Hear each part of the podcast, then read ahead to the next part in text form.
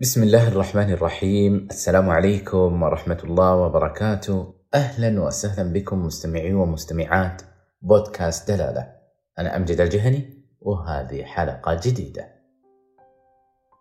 ثقافة الحوار هي إحدى سمات المجتمعات المتحضرة ومن أهم أدبيات التواصل الاجتماعي والفكري التي تساعد على تنمية قدرة الإنسان على التحليل والاستدلال والتفكير المشترك من أجل حل المشكلات وإنهاء الخلافات. فضلا عن تعزيز التماسك الاجتماعي بروح الصفاء والتسامح، فالحوار أسلوب حضاري ومطلب إنساني حتى يصل الفرد من خلاله لقبول الآخر ويسهم في التنوع الثقافي. ولا يمكن أن تتحقق النهضة والتنمية والازدهار في أي مجتمع دون ترسيخ ثقافة الحوار والتنوع الفكري وروح التسامح بين أفراده. هناك عدة مؤسسات تتحمل مهمة ترسيخ ثقافة الحوار داخل المجتمعات بهدف إرساء القواعد الأخلاقية التي تقوم على الاحترام المتبادل عبر آليات الحوار والتفاهم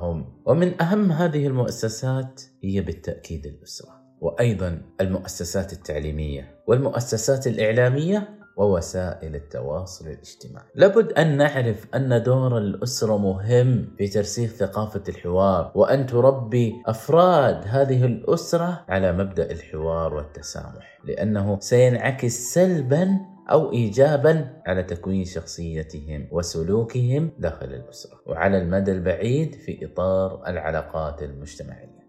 يقول أرسطو: إذا كان من اللازم ليصبح المرء فاضلا يوما ما أن تكون قد أحسن تربيته في البداية أيضا لا ننسى دور المؤسسات التعليمية فهي تلعب دورا أساسيا في ترسيخ العادات السلوكية الحسنة لدى الطفل فيتعلم فيها مهارات الاتصال والتعاون مع الآخرين من خلال الحوار والإقناع كذلك دور المؤسسات الإعلامية ووسائل التواصل الاجتماعي مهم في صناعة الوعي والمعرفة لدى أفراد المجتمع. ووجوب توجيهه إلى تبني ثقافة الحوار في سياق إعلامي شيق ومواد ثقافية وحوارية مفيدة.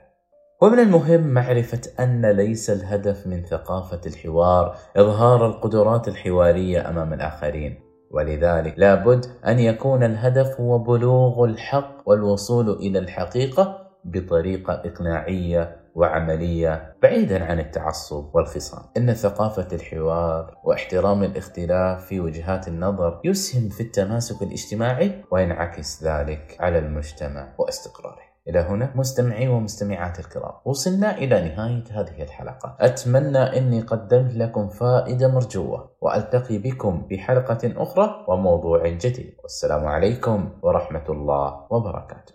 هذا المقال بقلم نايف بن حمد. العمري